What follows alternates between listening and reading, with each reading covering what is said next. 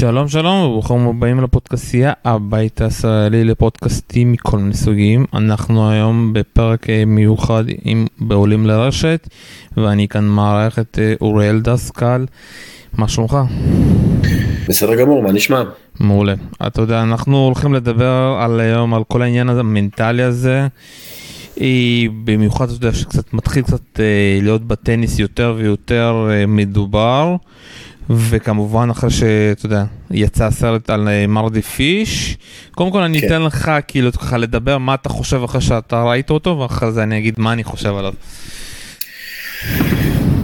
אנחנו מדברים על, ה, על הסרט שהוא חלק מהסדרה של uh, Untold שיש בנטפליקס.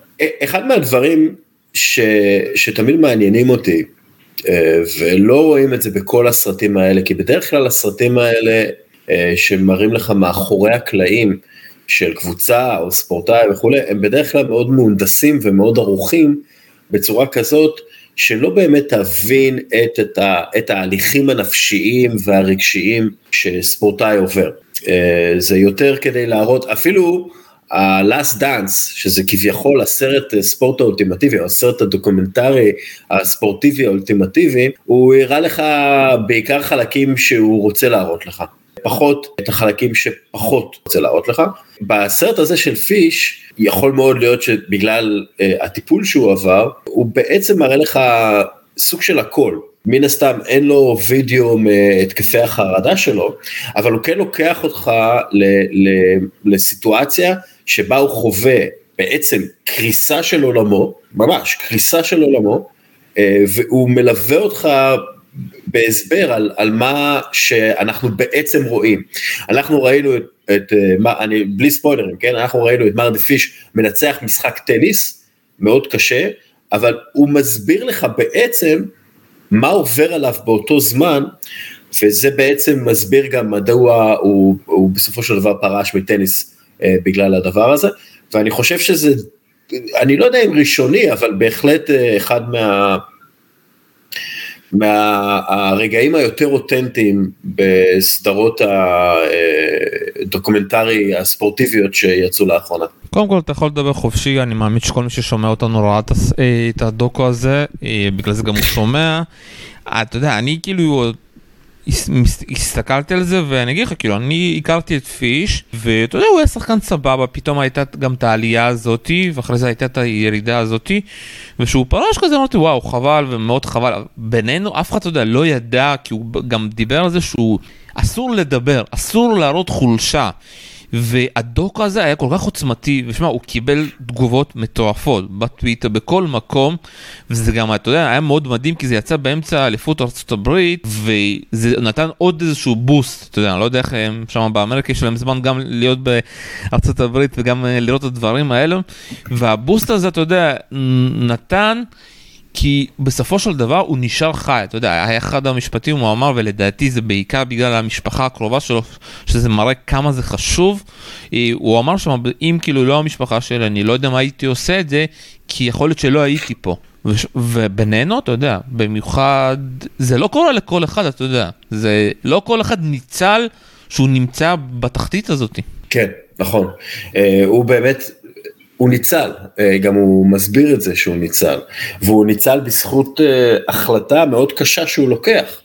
אה, הוא מקבל החלטה מאוד קשה, הוא בעצם מוותר על טורניר, הוא מוותר בעצם על קריירה שלמה, וזו החלטה בטוח לא קלה, והוא מקריב כל כך הרבה מכל מה שהוא השיג, מכל מה ש... לאן שהוא הגיע, זה באמת מאוד, מאוד מרשים לראות את זה, ו, ובאמת הסביר היטב, אני זוכר כאילו, אתה יודע, בזמנו את הדיבור על אה, פיש, ואנשים לא הבינו ומה, ואתה יודע, אני זוכר את הדיבור שהיה, שזה היה דיבור שלא מבין מה הוא עבר, ופה הוא מסביר היטב מה עובר, וזה היה מאוד uh, מרשים בקטע הזה. קודם כל זה היה מטורף, אה, ושוב פעם, זה לא סתם, אתה יודע, גם הרבה נכנסו את זה ואהבו את זה, כי זה באמת, הם הבינו סוף סוף מה הוא, מה הוא כאילו מרגיש ומה הוא חווה.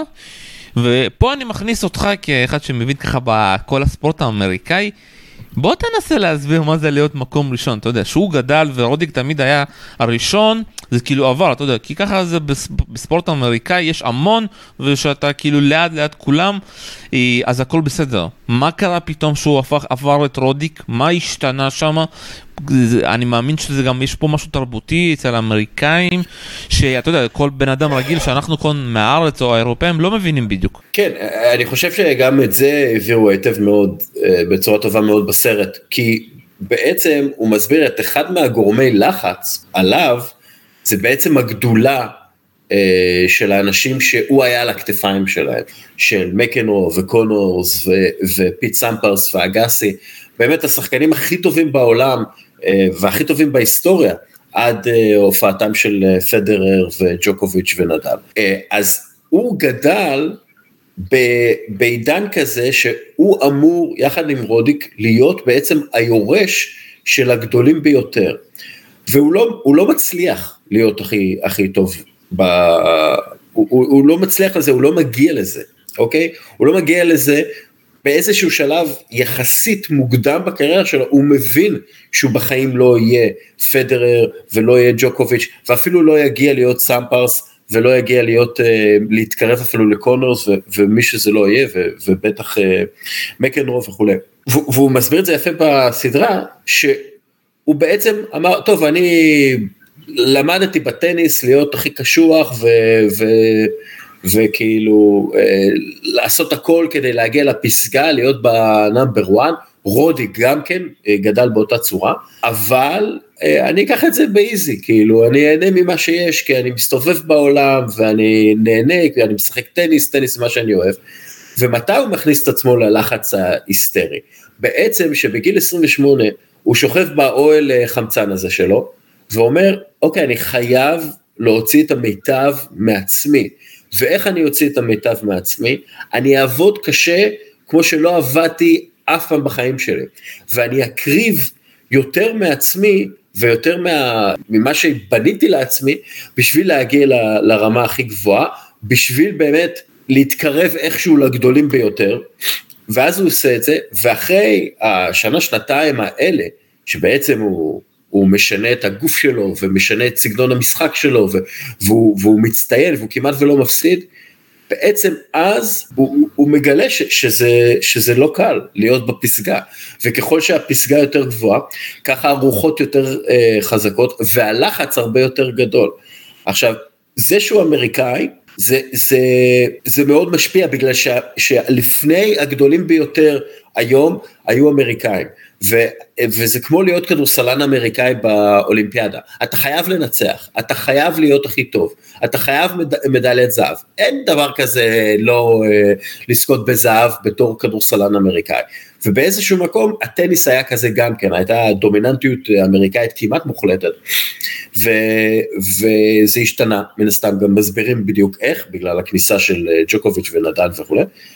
אה, ואז הוא בעצם במעין שטח הפקר כזה יחד עם רודיק, והם פשוט לא מצליחים להיות הכי טובים בעולם. אז הם אולי הכי טובים באמריקה, אבל זה לא מספיק טוב, ו- ו- וזה מפעיל עוד יותר לחץ. זה באמת, אה, זה באמת מאוד מעניין לראות איך כאילו הלחץ הזה להיות על כתפי ענקים אה, כל כך משפיע על הטניסאים ועל הנפש של הטניסאי.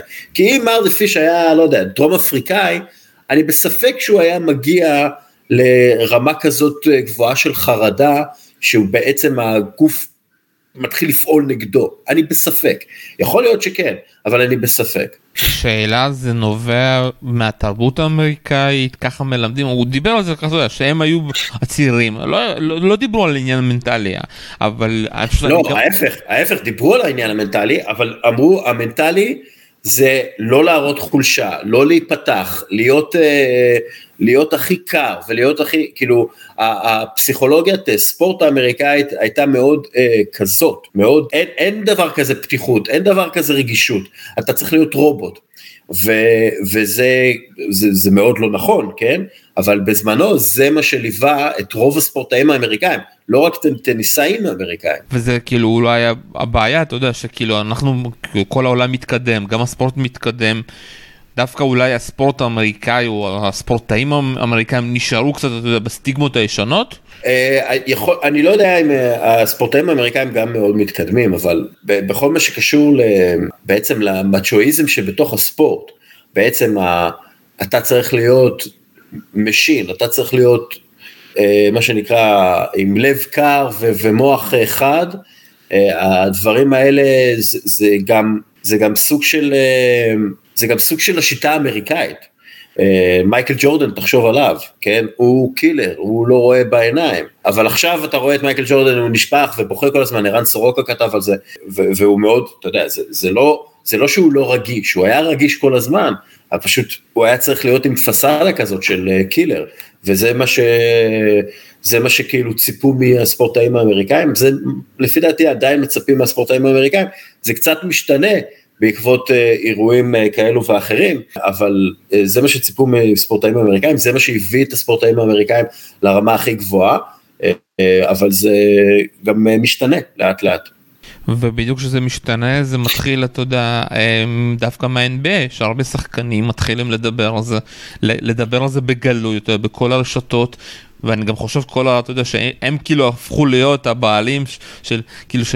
של, אתה יודע, לדבר לבד בטוויטר, באינסטגרם, זה גם עוזר להם להגיד מה שהם חושבים והם לא מפחדים שאתה יודע, יגידו להם משהו, יכתבו משהו. כן, כאילו אנחנו, כן, זה, זה הכל, זה הכל, אה, אין תמיד, אין אף פעם סיבה אחת, זה המון סיבות ואני חושב שרואים את זה גם בסדרה של מרדי פיש. טוב, עוד דברים שככה, אתה יודע, אה, אותי מאוד מעניין. שמע, איך שכל, איך שמרדי פיש התחיל לדבר, אתה יודע, ואני קורא לזה יוצא קצת מהסדרה, זה מתחיל, אתה יודע, אנשים מתחילים לדבר על זה באופן רצינות. אה, באופן רציני גם אפשר להגיד את זה, שאתה רואה שחקנים כבר מסתובבים עם פסיכולוגים צמודים.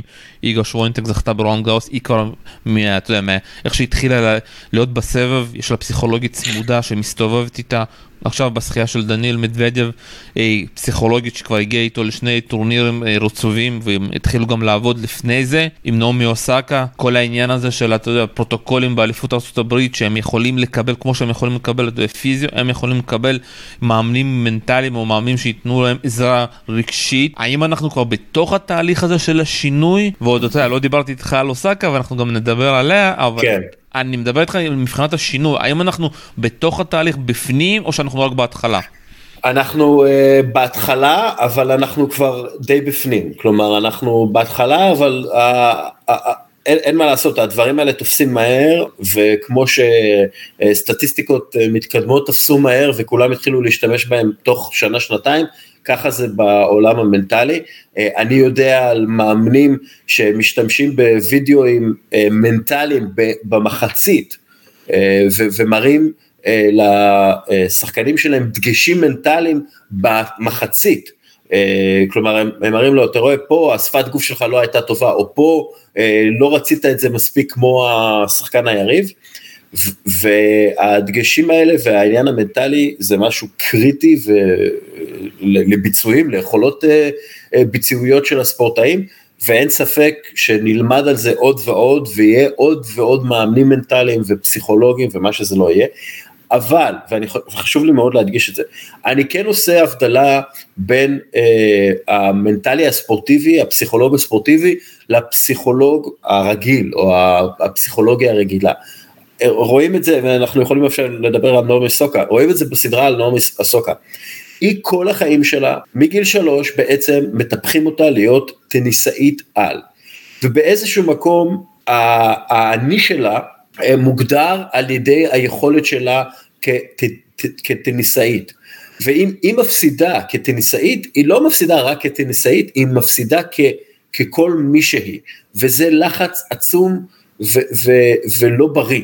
אה, לספורטאי ובטח ו- ולא לאדם ולא לאנשים צעירים שמתפתחים ועדיין אפילו לא יודעים מי הם, הם רק יודעים שהם צריכים להצטיין בספורט. אז uh, בגלל זה נעמי אוסוקה uh, בבעיות uh, שהיא נמצאת בבע, בבעיות מנטליות ובבעיות נפשיות, בגלל זה היא גם uh, קצת בורחת לעולם הזה של האופנה ולעולם הזה ש, שהיא אוהבת, שהיא לא טיפחה מספיק בתור ילדה, כי היא לא הייתה לה ילדות נורמלית, כי מגיל שלוש אה, מטפחים אותה להיות אה, ספורטאית על והיא לא גילתה בעצמה מה היא אוהבת. מאוד יכול להיות שכמו אחותה נגיד, היא לא הכי אוהבת אה, טניס, כן? אבל בגלל שהיא כל כך טובה בזה ויש עליה כל כך הרבה ציפיות וציפיות כלכליות מההורים ומיפן וממה לא, אז כאילו היא מרגישה מחויבת uh, להמשיך להצטיין בענף הזה, ש, ש, שאולי היא אוהבת מאוד uh, להתעסק בו כענף, אבל אולי לא אוהבת את כל ההתעסקות מסביב, ואולי היא לא, היא לא בנויה לכל ההתעסקות מסביב. ושוב, אנחנו צריכים לזכור, היא ילדה קטנה, היא, היא, היא, היא, היא, היא אפילו לא בת 25, ויש עליה לחץ עצום, uh, ואלו דברים, שאני חושב שמאוד צריך לשים לב אליהם, וגם למשל באקדמיות כדורגל, אסור בעיניי להתחיל ל- ל- ל- ל- להתמקצע לפני גיל 14. אה, ספורטאים צעירים, ילדים שהם ספורטאים צריכים להיות ילדים, ורק אחר כך ספורטאים. הם צריכים לבלות כילדים, הם צריכים, הם צריכים אה, להתפתח כילדים, הם צריכים ללמוד בעצמם מה הם אוהבים יותר ומה הם אוהבים פחות. כי אם אתה מפתח ילד להיות רק ספורטאי מסוים, אה, רק אה, סוג של, אה, נגיד, אם, רק כדורגלן או רק כדורסלן או, או רק, מה שזה לא יהיה, בסוף הוא יגיע גם לשחיקה הרבה יותר מהר. אנחנו רואים את זה אצל אוסקה. היא, אם, אם היא מחר פורשת מטניס, אף אחד לא יופתע מזה, נכון?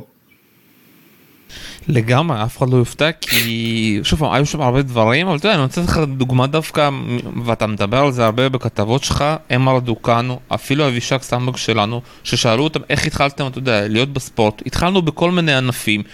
נכון. ובגיל 11 אנחנו.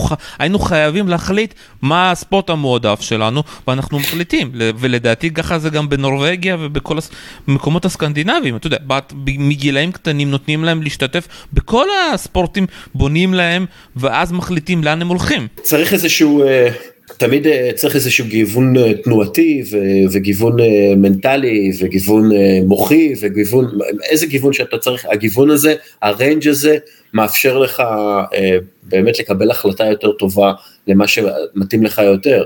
אנחנו יודעים מהולנד למשל, ש... אתה יודע, הוא, אה, הוא בעצם התחיל להתמקד בכדורגל יותר בגיל 14, בגיל 15 ותשעה חודשים הוא כבר, אה, הוא כבר שיחק כדורגל מקצועני, כן? אה, והוא שיחק עם יכולות של מישהו שלמד כדוריד וכדורעף והיה קופץ מצטיין ורץ מצטיין וכל הדברים האלה. אנחנו יכולים לראות את זה גם בכדורסל.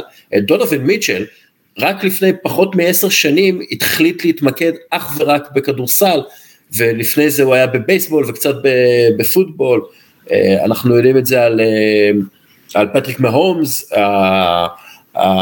הקוורטרבק המופלא של קנזס סיטי צ'יפס, שגם הוא התחיל להתמקד בפוטבול בגיל מאוחר יחסית, גיל 14 אחרי שהוא אה, היה בכדורעף, סליחה, כדוריד, סליחה, כדורסל ובייסבול ודברים כאלה.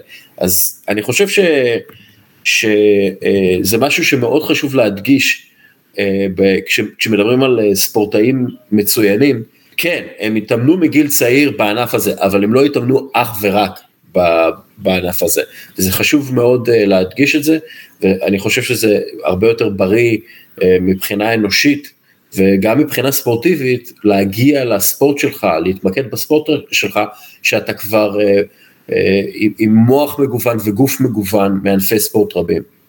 וכאן אני אכניס, אני חושב לגבי אוסקה, אתה יודע, אחד הדברים שתמיד אנחנו גם מכירים את איתן עזריה, הוא תמיד מדבר שהניצחון הכי גדול זה שתיכנס הביתה ואשתך לא תדע אם הפסדת או ניצחת. אחד הדברים שאוסקה, גם במסיבות העיתונאים שלו, אומרת, שאני מנצחת, אני מרגישה רליף, הקלה. וכשאני מפסידה כל העולם שלי, אתה יודע, נגרם, כאילו שאיזשהו בניין נהרס. ולי זה מאוד חבל, אתה יודע, כי אנחנו אומרים, ואתה יודע, זה גם התגובות היו שהיא החליטה לא להיות, אה, לא להופיע לכל המסיבות עיתונאים ברולנד גרוס, אמרו, מה, את מרוויחה כל כך הרבה כסף עלינו, ושאת צריכה לבוא ולדבר עם התקשורת, את לא באה?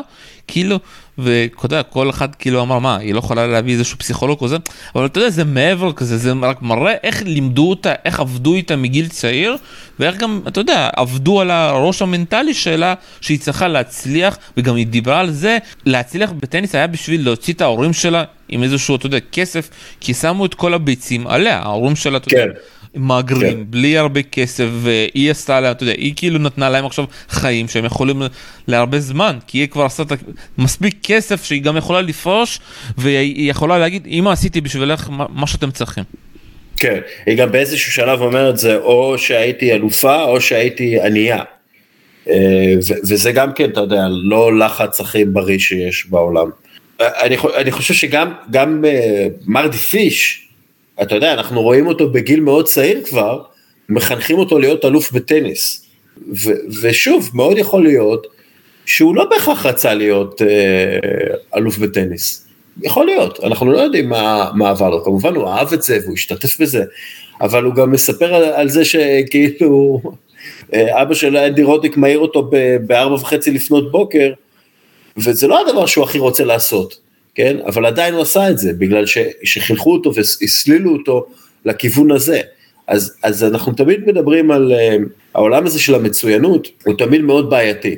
ואיתן עזריה אמר נכון, שמי שמנצח הוא זה שמצליח להיות מקצוען מצד אחד, אבל גם, גם לפתח את האני ואת האנושי שלו מצד שני, כלומר שהוא לא יגדיר את עצמו לפי מה שקרה על המגרש או מה שקורה לו בקריירה. וזה אחד הדברים שלו שאוסקה לא מצליחה ואני באמת אני אומר לך אני לא מצליח להבין איך הצוות של הפועל איך כל אתה יודע סוכנים מי שנמצא לידה כי אתה יודע, אני לדעתי, אתה יודע, אם לא היה כל ההסכמים שלה עם הספונסרים ולא היה נותנים לה את הלפיד, היא גם לא הייתה צריכה להיות בטוקיו ולא באליפות ארצות הברית. אבל בגלל הלחץ של הספונסרים, היא שיחקה פה.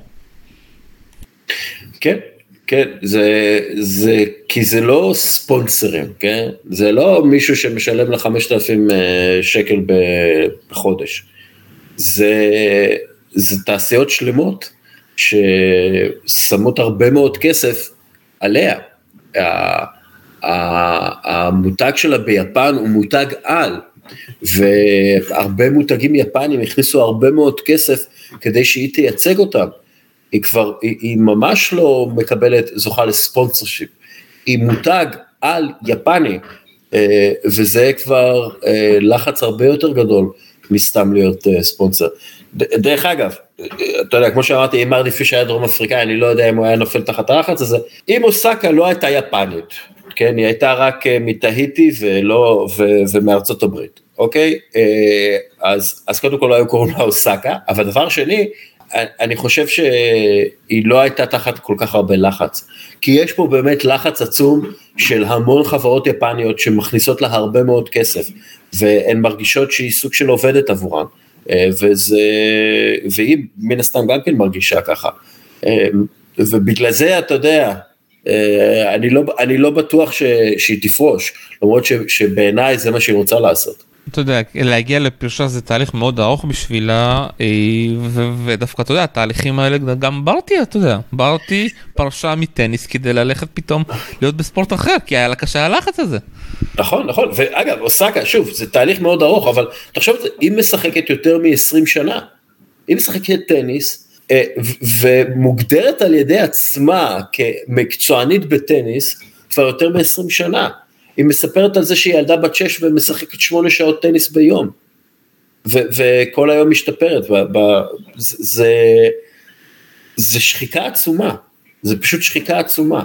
ואני חושב שצריך אה, לקחת את זה בחשבון.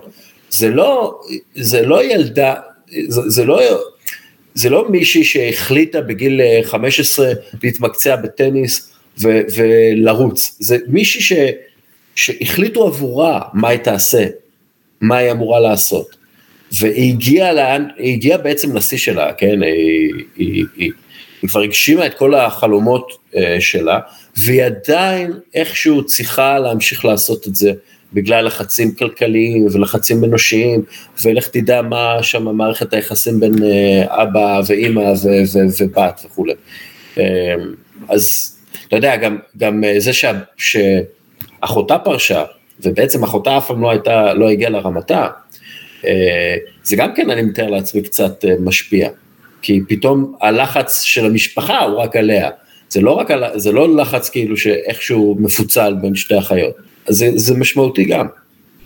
שמע, זה סיפור שאנחנו עוד יודע, נכתוב ונכתוב, ואני מקווה שהוא ייגמר בצורה טובה. ובוא קצת נדבר, אתה יודע, לדוקו של פיש. אגב, שנייה, מה זה מבחינתך צורה טובה? כי מבחינתי נעמי אוסקה, אם היא פורשת עכשיו, אחרי שהיא זכתה בשני גרנד סלאמים, ואפילו אם היא בת 23, ו, והיא פורשת עכשיו, ולא יודע, מתמקדת ב, ב, במותג אופנה שלה, אה, ו, ונהנית מהחיים, אני חושב שזה סיום טוב. אתה מבין מה אני אומר? אני מבין לגמרי, אני חושב שהיא לא, היא לא תצליח, אם גם היא רוצה, היא לא תצליח לפרוש, כי היא לא מסוגלת לעשות את ההחלטה הזאתי. מה זה, אתה יודע, להיגמר בצורה טובה, שהיא תצליח, תחזור ליהנות מטניס, אתה יודע, היא תחזור להגיד, אני לא משחק, אם לא בא לי לשחק, כמו שפיש אמר, אני לא משחקת, ולא מעניין אותי כמה, אתה יודע, שמו וכמה אני חייבת, אה, ואם היא צריכה עכשיו חופש של שנה, שתיקח חופש של שנה. גם זה קשה לי להאמין שזה יקרה. אתה יודע, להיות החלטית בקבלת ההחלטות שלה, כי בסופו של דבר מי שמנהלים אותה זה הסוכנים שלה וגם אתה יודע ראינו את הדוקו הזה כאילו גם עליה והרבה לא אהבו את זה כי אמרו שזה יותר מדי מהונדס. ושמע בינינו זה כאילו זה נראה שאין לה שום דבר כמעט החלטה. אה, נכון מאוד אה, וזה מאוד מהונדס וכאילו מדברים על הלחץ העצום שיש עליה וכולי וכאילו לא רואים שהם מפעילים בעצמם את הלחץ העצום הזה. וכאילו לא רואים שהם בעצם פוגעים באישה צעירה אה, ומאוד חכמה ומאוד רגישה, זה, זה, זה, זה דוקומנטרי מאוד עצוב בעיניי. זה, וזה שוב פעם, זה הבעיה שלי באיך מי שמנהל אותה, וגם אמרתי את זה אחד בפודקאסטים שעשינו אז שהמקרה הזה יצא עם ציפי שמילוביץ', אוסקה לא מחליטה על הצעדים שלה, היא הכל מנהלים בשבילה. גם אתה יודע, ההודעה הזאת שהיא כתבה בהודעת, אה, אתה יודע, בפתקיות, פרסמה את זה, כאילו, אתה יודע, זה, היא כבר מותג, אתה יודע, היא כמו מדינה. ש, שום, כל דבר חייב לעבור דרך דובר, דוברת, כאילו, דרך יחצנים, כל דבר שהיא עושה, יש לזה השפעה. והיא, לא- כן. לא, והיא לא הבינה את זה, ואף אחד בצוות שלה לא הבין את זה, וזה, אתה יודע, הפגיעה לדעתי הקשה. שמישהו מנהל אותו, הוא לא מנהל אותו טוב, ואני מקווה שהוא לא יביא אותה לדברים קיצוניים, כי בינתיים זה, זה לא נראה טוב. כן, אני מאוד מקווה שהיא תמצא את השלווה שלה, אה, ואני בספק ש, שאכן אה, זה מה שהיא תמצא. אני חושב, אה, אתה יודע, מרדי פיש היה צריך להגיע לאיזשהו מקום מאוד קיצוני, אתה יודע, הוא בקושי ישן, הוא בקושי, הוא בקושי, אה, אתה יודע, נשם מחוץ למגרש, הוא היה בלחץ עצום כדי להצליח, מקנרו שם אמר עליו דברים, הוא נכנס לתוך הראש שלו, והוא הגיע לאיזשהו שלב קיצוני מאוד, ואפילו שאיים על חייו באיזשהו מקום, ואז הוא החליט לפרוש. הוא ממש אומר שם איזושהי שורה, אם לא הייתי פורש, אה, אני לא יודע אם הייתי שורד, וזה בעיניי מזעזע. שוב, אני מאוד מקווה שהאוסקה לא תגיע לסיטואציה הזאת. בוא, אתה יודע, נדבר על אה, בכלל מה זה, אתה יודע, מה זה הדוק הזה נותן בכלל לכל ה... אתה יודע, לכל הספורט, דווקא התרבות. אני, אתה יודע, אני חושב שזה כאילו איזושהי נורת אזהרה לכל הספורט האמריקאי, כי בעיקר, אתה יודע, כי מגילאים צעירים מתחילים, אתה יודע, להסביר כמה הניצחון החשוב וכמה, אתה יודע, הגבריות הזאתי. ואולי אתה יודע, הסרט הזה, הדוקו הזה, אני כבר שוב פעם, הוא גם הקפטן, אתה יודע, גביע דוויס של אמריקה, והוא ממש, הוא מכניס, ואתה יודע, יש לו שיחות אישיות עם כל השחקנים, אבל אתה יודע, זה כבר חייב גם להיכנס לתוך התוכניות אה, הלימודיים של בתיכונים, מהנוער, איך שמתחילים הילדים, שאתה חובה שיהיה איזשהו מאמן מנטלי, שאתה יודע, יסבירו מה כאילו נכון ומה לא נכון, וקצת לצאת מהדבר הזה. כן, אני, אני חושב ששוב, זה לא מאמן מנטלי, הם צריכים מאמן מנטלי ש, שיעזור להם להוציא יותר מעצמם כספורטאים. אני חושב שכל ספורטאי צריך פסיכולוג גם, הוא צריך פסיכולוג שיעזור לו להיות האדם היותר שלם, האדם שיכול להתמודד עם הלחץ, האדם שמבין שהוא אדם ולא ספורטאי רק. אה, אני חושב ש, שפסיכולוג רגיל, לא פסיכולוג ספורט, הוא בעצם, זה, זה, ה, זה מה שספורטאים רבים צריכים, דרך אגב רבים מאיתנו צריכים, כן?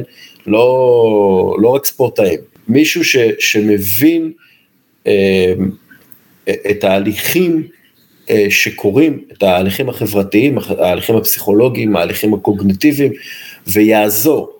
אם זה יעזור לפעמים בצורת תרופות שאולי צריך להרגעת לחץ, אה, או, אה, או אה, לעזור, לא יודע, אפילו אתה יודע, בשינוי תזונה הרבה פעמים יש דברים שמשפיעים עלינו בצורה רעה בגלל דברים שאנחנו אוכלים או דרך שאנחנו אוכלים. אתה יודע, אם נגיד בן אדם אוכל מהר מדי, כן? הוא לא יכול לטפל בזה אם הוא לא מודע לזה שזה בעיה, והוא צריך להבין שבעיה היא בעיה פסיכולוגית, אתה יודע, או שזה קשור לטראומה כלשהי מילדות או משהו, ואם הוא מודע לזה אז הוא יכול לאכול יותר לאט, וכאילו דברים, זה, זה, זה נשמע בסיסי מאוד, אבל אלו דברים שהם קריטיים גם לקריירה של ספורט וגם לחיות מחוץ לספורט, ואני חושב שזה משהו שכן הרבה יותר מיינדד אליו כרגע בספורט האמריקאי, וההסתרות האלה, האנטולד, לא רק אה, מרדי פיש, מאוד אה, מבליטות את העניין הזה ומאוד חשובות. אה, גם מה שהיה עם קטלין, לא קטלין ג'נר, עם ברוס ג'נר, ש, שבעצם הספורטאי שהפך לאישה, הספורטאי האולימפי שהפך לאישה, ומה שהוא מספר, הוא אומר, אני הייתי בספורט בגלל שהייתי, שברחתי ממה שהייתי, הייתי ילד אה, קטן וביישן ובעייתי בעיני עצמי ובעיני החברה, וברחתי לספורט כדי להיות הכי טוב במשהו ולהרחיק אותי מהמחשבות האלה. אבל המחשבות האלה אף פעם לא, נעל, לא נעלמות, ואז הן מתפוצצות ואז הן יוצאות החוצה הרבה פעמים בצורה מאוד לא בריאה, אם זה התמכרות אה, כלשהי, אם זה, זה בעיות נפשיות שמתפוצצות אה, החוצה, נגיד כמו סכיזופרניה או בעיות אחרות, דרך אגב גם התמכרויות, בדידות, דיכאון, אה, מחשבות אובדניות, כל הדברים האלה הם דברים שחייבים לטפל בהם, וזה נכון לספורטאי, אולי אפילו יותר נכון לספורטאי מאשר האוכלוסייה הרגילה, וזה נכון לאוכלוסייה הרגילה. אתה דווקא זה מאוד מעניין אתה כבר ממליץ מגילאים צעירים גם כי עכשיו אתה יודע בארץ למשל כל העניין של האימון מנטלי נכנס מאוד חזק כבר מגילאים הצעירים. אתה גם ממליץ להכניס לכל, לתוך המשוואה הזאת פסיכולוג? בהחלט, אני חושב שגם אה, אנחנו רואים באקדמיות למשל, הכדורגל המובילות ב, באירופה, יש להם אה, פסיכולוג, אה, פסיכולוג כמעט בכל קבוצה, יש להם עובדים סוציאליים כמעט בכל קבוצה, כי הרבה פעמים הבעיות הפסיכולוגיות נובעות ממצב חברתי או ממצב משפחתי בעייתי, אז uh, בהחלט צריך חלק מהמעטפת שכל ספורטאי צריך, זה בהחלט גם את המעטפת המנטלית והפסיכולוגית. פה גם נכניס איזשהו צד ישראלי. ואני דווקא הולך איתך ככה על הטניס, אתה יודע, בטניס המצב אצלנו די קשה, אתה יודע, כי אין כסף, אף אחד אה, לא עוזר, ויוצא מצב שאתה יודע, הרבה שחקנים, שחקניות נמצאים בתור כל מיני תחרויות הזויות, דרום אפריקה, אוזבקיסטן וכל זה, מנסים ככה לגנוב אה, נקודות וזה.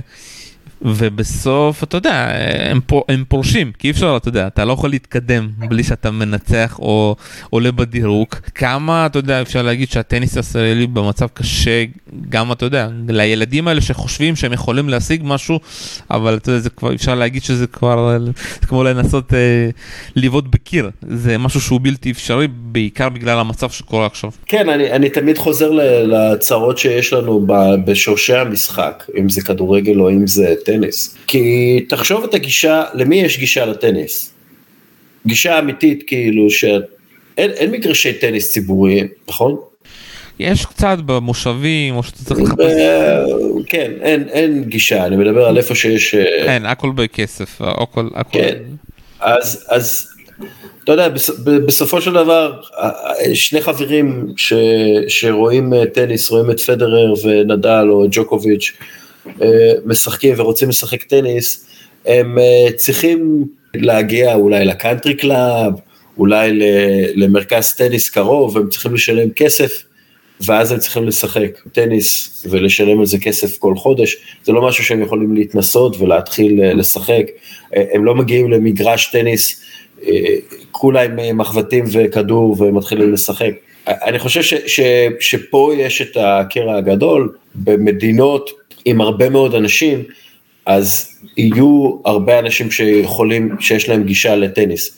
במדינות שאין בהם הרבה אנשים, אז אה, אין, אין הרבה אנשים עם גישה לטניס, בטח כשהתשתיות לטניס לא בחינם.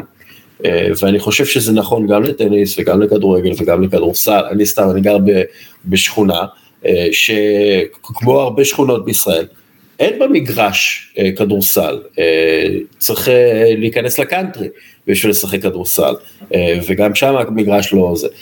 לא, לא יצאו מפה כדורסלנים גדולים, אפילו אם הם מתחילים לשחק כדורסל במכבי תל אביב בגיל שמונה, כן? הכל זה תשתיות.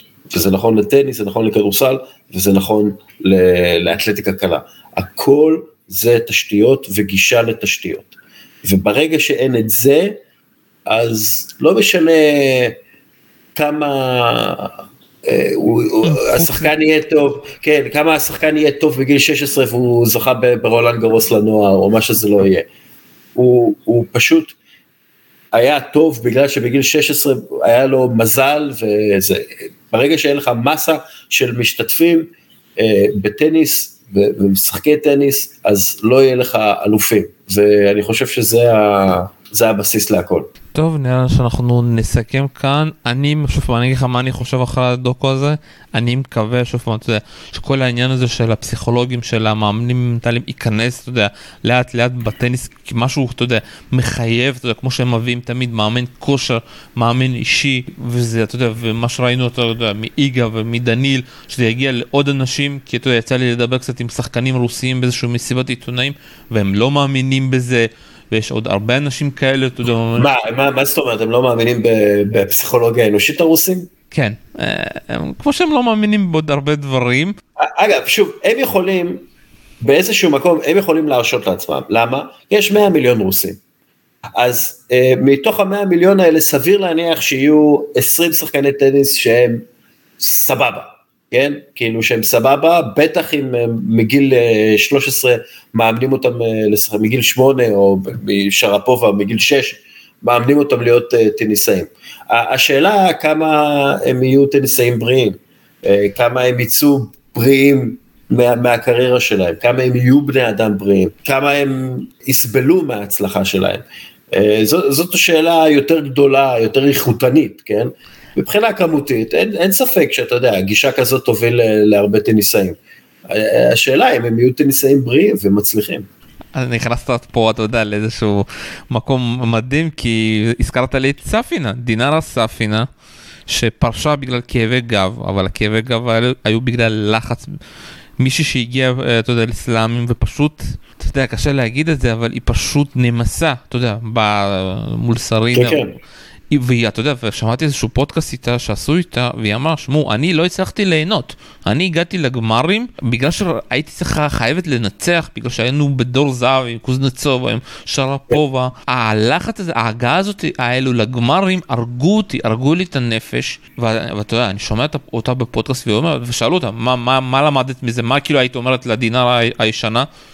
תלמדי, תהני מהרגע. אל כן. תחשבי שזה כאילו, אם תפסידי זה סיום הקריירה שלך או תמותי פה. ו- כן. וזאת דוגמה, ושוב, אם אנחנו נלך לנשים, שוב, שמע, זה כאילו, אפשר לפתוח על זה מאמרים מפה עד הודעה חדשה, אצל הנשים זה פחות, אתה יודע, זה יותר כזה באופן קיצוני. פה אנחנו ראינו בדוק הזה את פיש, והוא גבר, וזה גם נותן פי שתיים, אבל אצל הנשים, ואנשים שכאילו לא מבינים מה זה, זה פשוט מתפוצץ ואתה יודע, לך תדע לאן זה מגיע. אתה יודע מה, אני חושב כאילו, אתה יודע, למשל אנה קורניקובה, שהיא היום מפורסמת בזכות אה, זה שהייתה אה, אה, טניסאית מאוד יפה. בושה? כן, התחתנה. בושה? כן. כן, כן והיא הייתה שחקנית ממש טובה, היא לא כאילו סתם הגיעה לזה, והיא גם כן קרסה סוג של תחת הלחץ הזה, ומריה שרפ, וגם כן פרשה לפי דעתי בגיל, בגיל 25, 24, משהו כזה, אה, גם אה, מריה שרפובה יחסית, אה, אתה יודע, יש לה איזושהי... שרפובה פרשה בגלל פציעה, כי הניתוח... כן, אבל, אבל אנחנו חושבים... היא, היא פרשה, אבל לפני זה, כן, היא, היא שלוש, ארבע שנים מתמודדת עם ה... מנסה לעשות קאמבק, לא מצליחה, לא, אם, אם אני לא טועה, אני, אני חושב ש... כן, זה, לא, אתה לא כאילו... לא טועה, אבל המצב שם היה כאילו אחרי הניתוח או אחרי הסמים, היד, הניתוח שהיא עשתה בכתף, בגלל, אתה יודע, המבנה, אה, הגובה שלה, הוא פשוט כאילו, היא לא הצליחה, יודע, בסופו של דבר להגיע ו...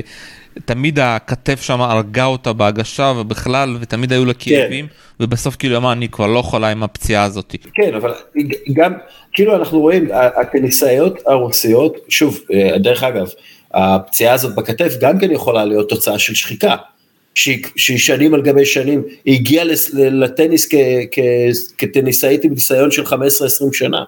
כן, כן, לטניס המקצועני. היא זכתה בגיל 17, היא זכתה בגיל 17 בווימבלדון, אם אני בדיוק, כשהיא מתחילה לשחק טניס, ומתי נשלחה לאקדמיה? באיזה גיל? וואו, הסיפורים מדברים על גיל 11 אה, שהם ברחו מסיביר, אתה יודע. כן, אבל כאילו היא התחילה לשחק בסיביר כבר. נכון, בגיל 5-6.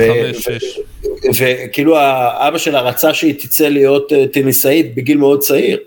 אה, אז שוב, ברגע שהגוף שלך נשחק, המוח שלך נשחק, ברגע שאתה כל כך הרבה זמן בטניס, וכצעיר, עם, עם גוף ומוח רכים, זה לא בריא, זה לא טוב, גם בריאותית, גם אה, מנטלית, גם נפשית, זה פשוט לא בריא השחיקה הזאת, ואנחנו רואים את זה עם, עם המון טניסאיות מאוד מוכשרות שמגיעות להצלחה כבירה בגיל מאוד צעיר, ולא יכולות להמשיך עם זה, לא יכולות להצליח מעבר להצלחה, אה, ההצלחה שהייתה להם. וזה, דרך אגב, ההצלחה הזאת מייצרת עוד לחץ, ואוקיי, האם אני יכולה להצליח עוד יותר? אה, זה מאוד קשה להצליח בענף הזה, בטח שאתה שחוק ואתה לא מאה אחוז שם ורוצה להיות שם. רוג'ר פדרר, היה אה, עד גיל 14 הוא שיחק כדורגל והוא עשה סקי והוא עשה כל מיני דברים אחרים ובאמת הוא הגיע לטניס מתוך אהבה למשחק והוא רצה לקייף וזה היה כיף בשבילו. ברגע שזה לא שם, ברגע שאתה לא עושה את זה בשביל הכיף, בגיל, בגילאים האלה, אתה, אתה תשחק יותר מהר. אה, ואני חושב שזה... שזה הלקח העיקרי מה, גם מאוסקה, גם מהנטפליקס של אוסקה וגם מהנטפליקס של, אה, של ברדי פיש. תשמע כמה דברים יש לך להגיב, להגיב על זה, קודם כל חייבים גם להזכיר את אה, ברטולי, מריון ברטולי שפרשה דקה אחרי שהיא זכתה בווימבלדון, כי אמר עזבו כן. זהו, אני סיימתי עם הספורט הזה, גם כן, בגלל כן, כל. העניין של המשקל, וגם אם אתה זוכר את אבא שלה, אבא שלה היה מאוד קשה. אה, שאבא שלה משוגע, נכון, נכון, נכון, נכון, נכון. זה, זה, זה, זה, זה באמת, אתה יודע, זה באמת, אה, זה שוחק בטירוף, זה שוחק בטירוף, ובגלל זה הבנות האלה, אה, והן בנות, כן, בלי כאילו בכלל, אתה יודע, הן בנות, הן בנות 18, 19, הן פשוט שחוקות, הן שחוקות והן עושות את המיטב כדי לנצח, ואז הן מנצחות בגיל איזה 21 והן כבר לא יכולות יותר, הן כאילו הגיעו לשיא, ואני חושב שזה, אני חושב שזה, יש בזה משהו מאוד uh, עצוב. ודבר שני, הזכרת לי גם את המילים של קיריוס. קיריוס אומר, עזבו אותי, אני לא אגיע בחיים שלי למה שדיוקוביץ', נדל ופדר. הם, ב, הם לא אנושיים. אני רוצה לחיות, שתמיד מזכירים לנו שהוא, אתה יודע, עם כזה כישרון, הוא לא ייקח סלאם או משהו. הוא אומר, אני לא יכול להיות, אני לא רוצה להיות כמו, תביאו לי ליהנות בדרך שלי. כן, ושוב, הנה פיש מאוד נהנה. ברגע שהוא הפסיק ליהנות והוא דחף את עצמו יותר מדי, מה, אתה יודע, מבחינה עצמי, המוטיבציה הפנימית שלו הייתה, אני לא רוצה לא לנצל את הקריירה שלי עד הסוף, מה קרה? אה, הוא נשחק מהר מאוד. טוב, שמע, אה, דיברנו על זה נראה לי מספיק, ואני חושב, אני מקווה שאתה יודע שבעולם, כמו שאמרתי, שזה באמת ישנה משהו.